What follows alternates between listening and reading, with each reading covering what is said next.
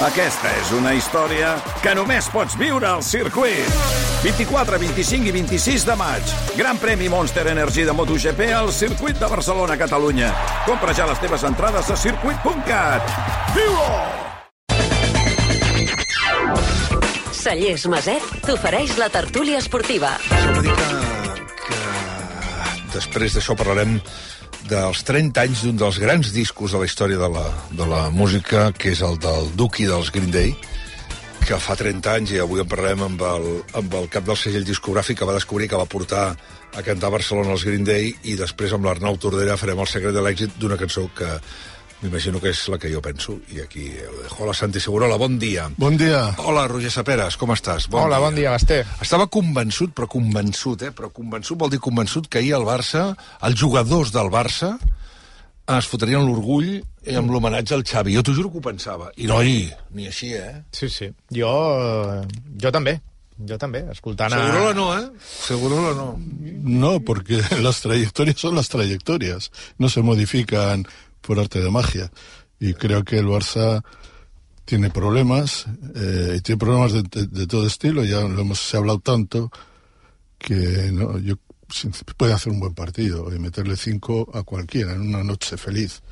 Pero es que no, es que hasta el ambiente. Yo vuelvo a decir que lo de Montjuic y no el ayuda, Barça, no ayuda. ¿Cómo que no ayuda? Es un problemón, es un lastre, porque lo, yo creo que la gente del barcelonismo lo ve ya como como un, un, lugar ingrato, por decirlo de una manera. Todo le queda lejos. Le queda lejos la referencia sentimental del Camp, del, del Nou. Le quedan lejos los 80.000 espectadores. Le queda lejos el corazón del club. Y está exilado en un momento en lo que yo creo que lo que menos le conviene, le convenía al Barça en este momento de crisis es estar lejos. Y esto le hace estar más lejos todavía de la gente. Val. Uh, Roger. No, estava convençut, evidentment, que no canviaria com un mitjó la situació del Barça pel fet que Xavi hagués anunciat que marxa, però sí que de manera puntual esperava, no, com a mínim, aquesta reacció que també havia dit Xavi que, que volia veure en l'equip. Mm, per això també em va sorprendre després la roda de premsa de, del mateix Xavi dient que havia vist un Barça diferent, que entenia que havia reaccionat. Crec que és una mica el que ell volia veure perquè era el que havia de donar sentit a la seva decisió, no? Si tu marxes perquè hi hagi una reacció i no n'hi ha, segurament la teva decisió no té massa, no té massa sentit. Jo crec que puc estar d'acord en el discurs de Xavi, en valorar-li la part Correcte. que ha fet fins a aquesta temporada, però crec que estem estancats aquesta temporada en un moment en què Xavi no troba quina és la, la solució de l'equip i l'equip no, no acaba d'arrencar. L'únic a qui li vaig veure energia realment ahir és a, és a Vitor Roque. Yo creo Sí, que o sigui, energia, a nivell, a nivell de, de, de sortir Ahir el millor del a, partit a és menjar-s'ho tot eh, para va mí ser... el mejor del Barça Sí. fue Fermín. Sí. Sí, Em una... va Porque sorprendre el todo- i tant. y le- le- bueno, es la pieza más débil y le- entiende esas cosas, pero tiró todos los desmarques que había que tirar, remató, no bien, porque las circunstancias no, no eran fáciles. En el fútbol se dice, movió el culo. Como, como, y, y la verdad es que lo, para mí me, me gusta mucho ese jugador, porque en este Barça así como anémico, me, me da la impresión de que él sigue pensando que su equipo, el Barça, le da una oportunidad e intenta aprovecharla siempre. Fermín. Fermín. No, perdona, mira... I- i me Santi, parece Santi, un l'últim de vas dir? jugador. L'últim partit, qui era el millor per tu, vas dir? El último partido fue el de ayer, ¿eh? El, el anterior fue el 5-3. Sí. Se me hace muy difícil. No, en dijiste que el carrusel, millor fuiste... No, lo leí en la Vanguardia l'altre dia, vas posar, vas parlar molt bé de Yamal. Hombre, con diferencia hizo un partido. M'estàs parlant de Yamal, el, penúltim. M'estàs parlant de Fermín, l'últim. Bueno, y el chico este, Héctor Fort, en Bilbao. Bueno, que Bilbao, con- sí, sí. Bilbao, perdona, i el central, com es diu? El... Cubarsí, Pau Sí. Cubarsí. Ya, eh, pero el problema, el problema es cómo encajas eso en un, Ya, ya, en un ya, equipo decadente, ¿no, Roger? Sí, sí, Donde ocurre otra cosa. Es que, claro, juegan bien, la gente les quiere, la gente les apoya, son muy buenos, porque son muy buenos. Y dices, sí, pero ¿cuál es su horizonte? Su horizonte es que eh, si juegas con ellos, y, y más Pedri, más Gaby, más Fermín y todos estos, eh, la gente, la- el club piensa, no vamos a llegar a la, a la Liga de Campeones, o podemos no llegar a la Liga de Campeones, no vamos a ganar ese dinero que es tan necesario para el club. Y entonces entra esa espiral, bueno, vamos a fichar veteranos. Los, los veteranos, pues, pasean el perrito algunos de ellos. Yo hay uno que me parece que es Cruyff 78. Que es Lewandowski. La- no, es el holandés. Para mí es... De Jong. Ah, pues claro. Es que eh, estoy, estoy un poco cansado de verle pases al pie y, y dirigir con la mano, ponte aquí, ponte allá. Eh, yo creo que un jugador de esas características, y si- siento decirlo porque sé que en Barcelona No, hay una admiración enorme por Empezando él. para el camp d'esports de la Vanguardia. Sí, que- al que le tengo, sé que sabe bastante más que yo el cap de La guerra habitual. ¿eh? Sí. Pero también que creo que, hombre, eh, es, un jugador, es un jugador que dice, bueno, debería ser un poco el De Bruyne del, del Barça, un rompedor, un tal, tal. Y se me queda en un jugador disperso que hace su trabajo con una... Y estamos para que un Barça tenga líderes de verdad, para que para que se lleven el equipo a la espalda, para que hagan lo que tienen que hacer. Al final no puedes pensar que en febrero tenemos a un jugador como De Jong con un gol y cero asistencias. Dices, bueno, ¿cómo es posible? Y te dan, es que no juega de medio centro. Bueno, medio centro, no sé quién juega en el Barça. Un rato es uno, otro rato es otro.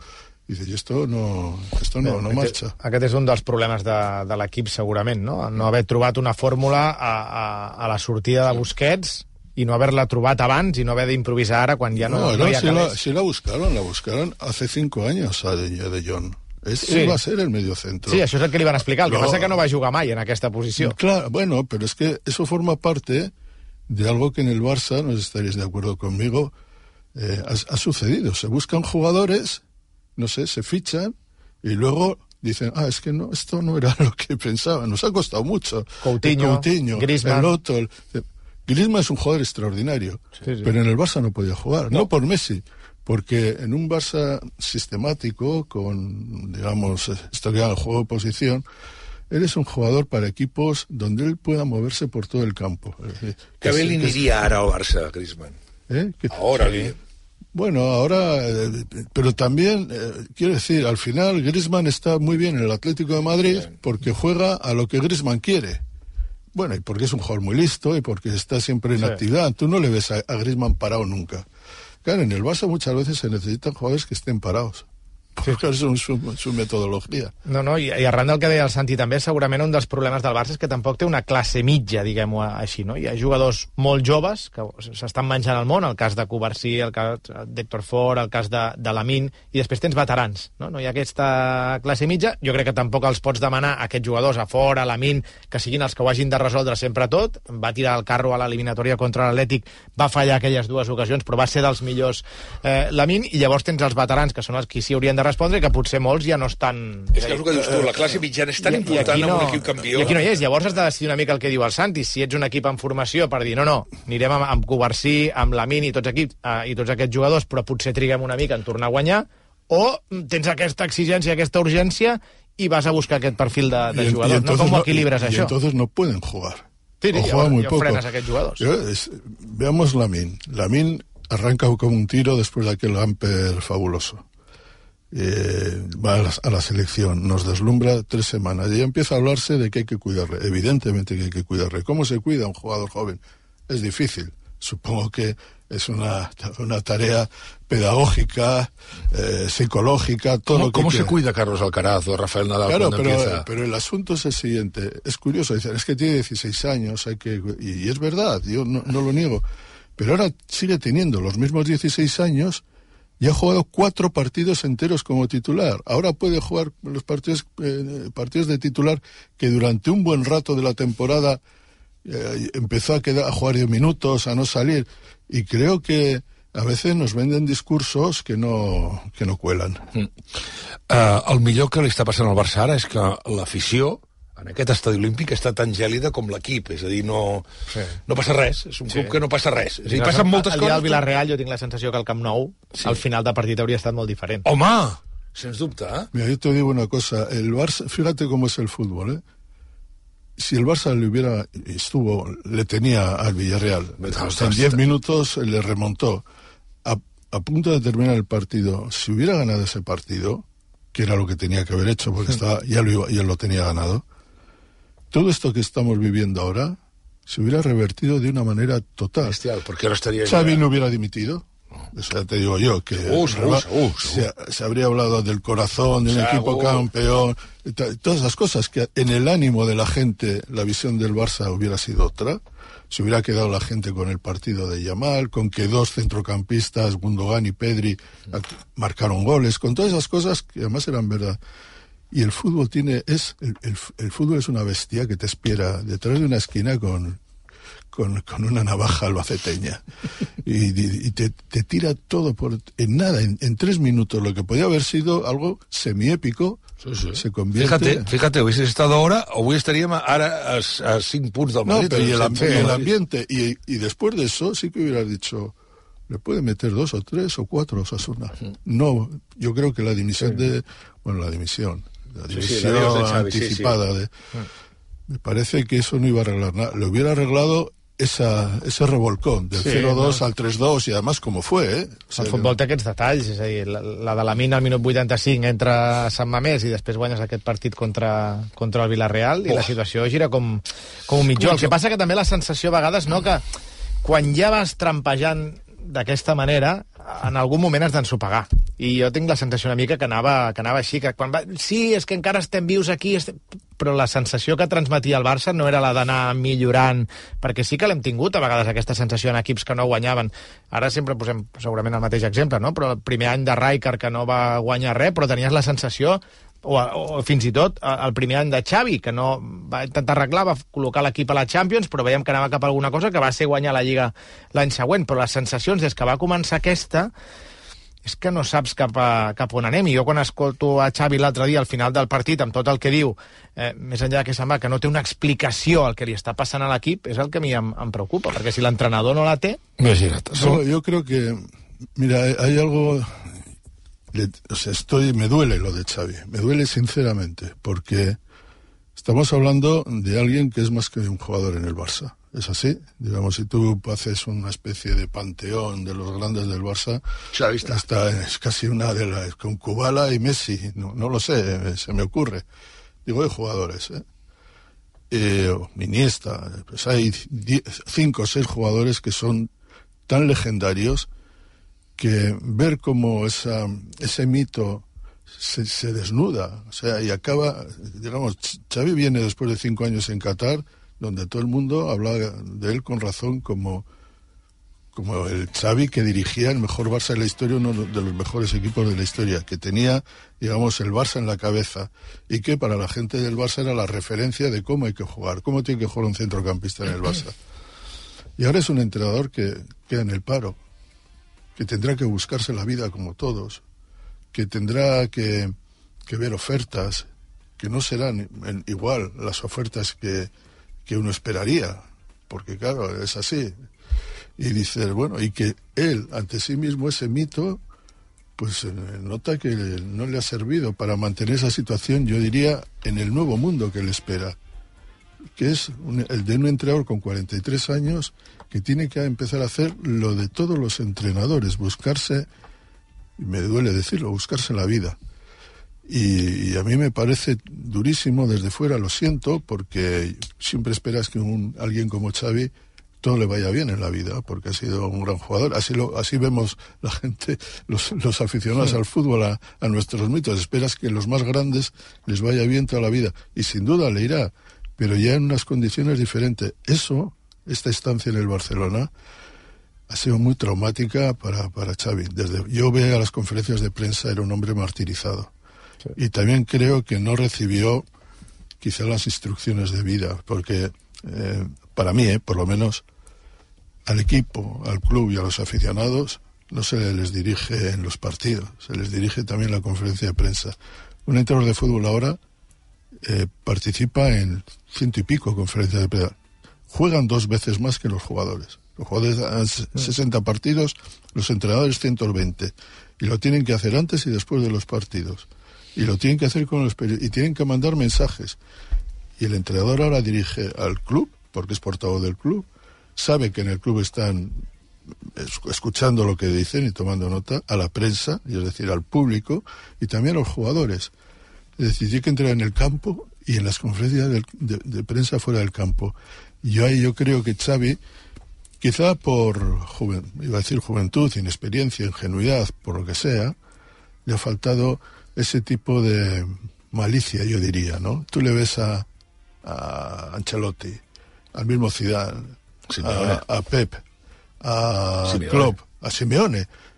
Y, en otra, y de otra manera, cínico y malvado, a Mourinho. Y le ves a eh, populista y tal, y un poco impostor, hay que decirlo así, a Aguirre en el, en el Mallorca. Son gente que saben que su oficio también pasa por ahí. Entonces, y claro, Xavi se ha encontrado de repente con él, y no tiene el cinismo.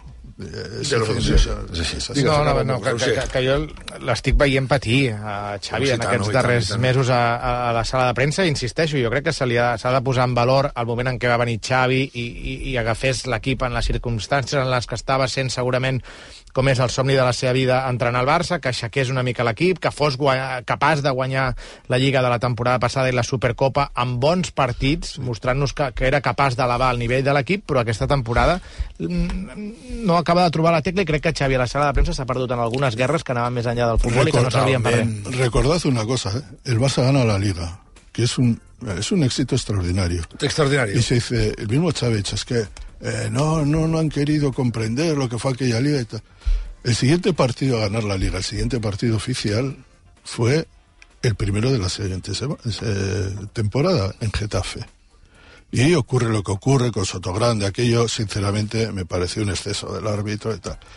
Pero si en el primer partido de la temporada, el primero después de ganar la liga, dices, es que esta temporada va a ser muy difícil, es que los el mensaje que está diciendo es que lo que hicimos el año pasado no tiene no tiene mérito porque este año no lo vamos a poder conseguir.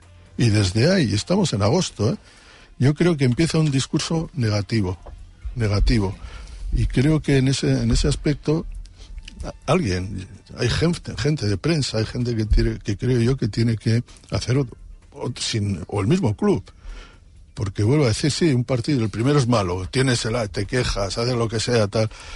Pero es el primer partido y no ya el discurso desde ahí fue, es que esto, la, la- la prensa, no sé qué, no sé cuánto, tal.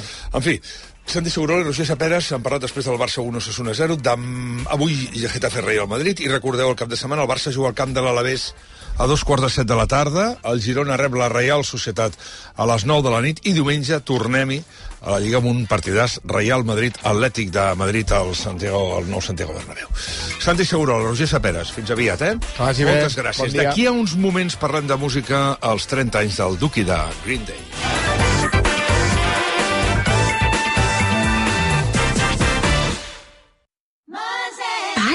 quantes caixes de vi i cava us han portat els de Maset, no? Aquest mes fan l'oferta del 3x2. En pagues dos i te'n porten 3. Ah, parlant de tres, us hem d'explicar una cosa. Uh, com? Que mai us saltin vins i caves per celebrar qualsevol notícia inesperada. Aprofiteu ara la millor oferta de l'any. Cellers Maset, directe del celler a casa vostra.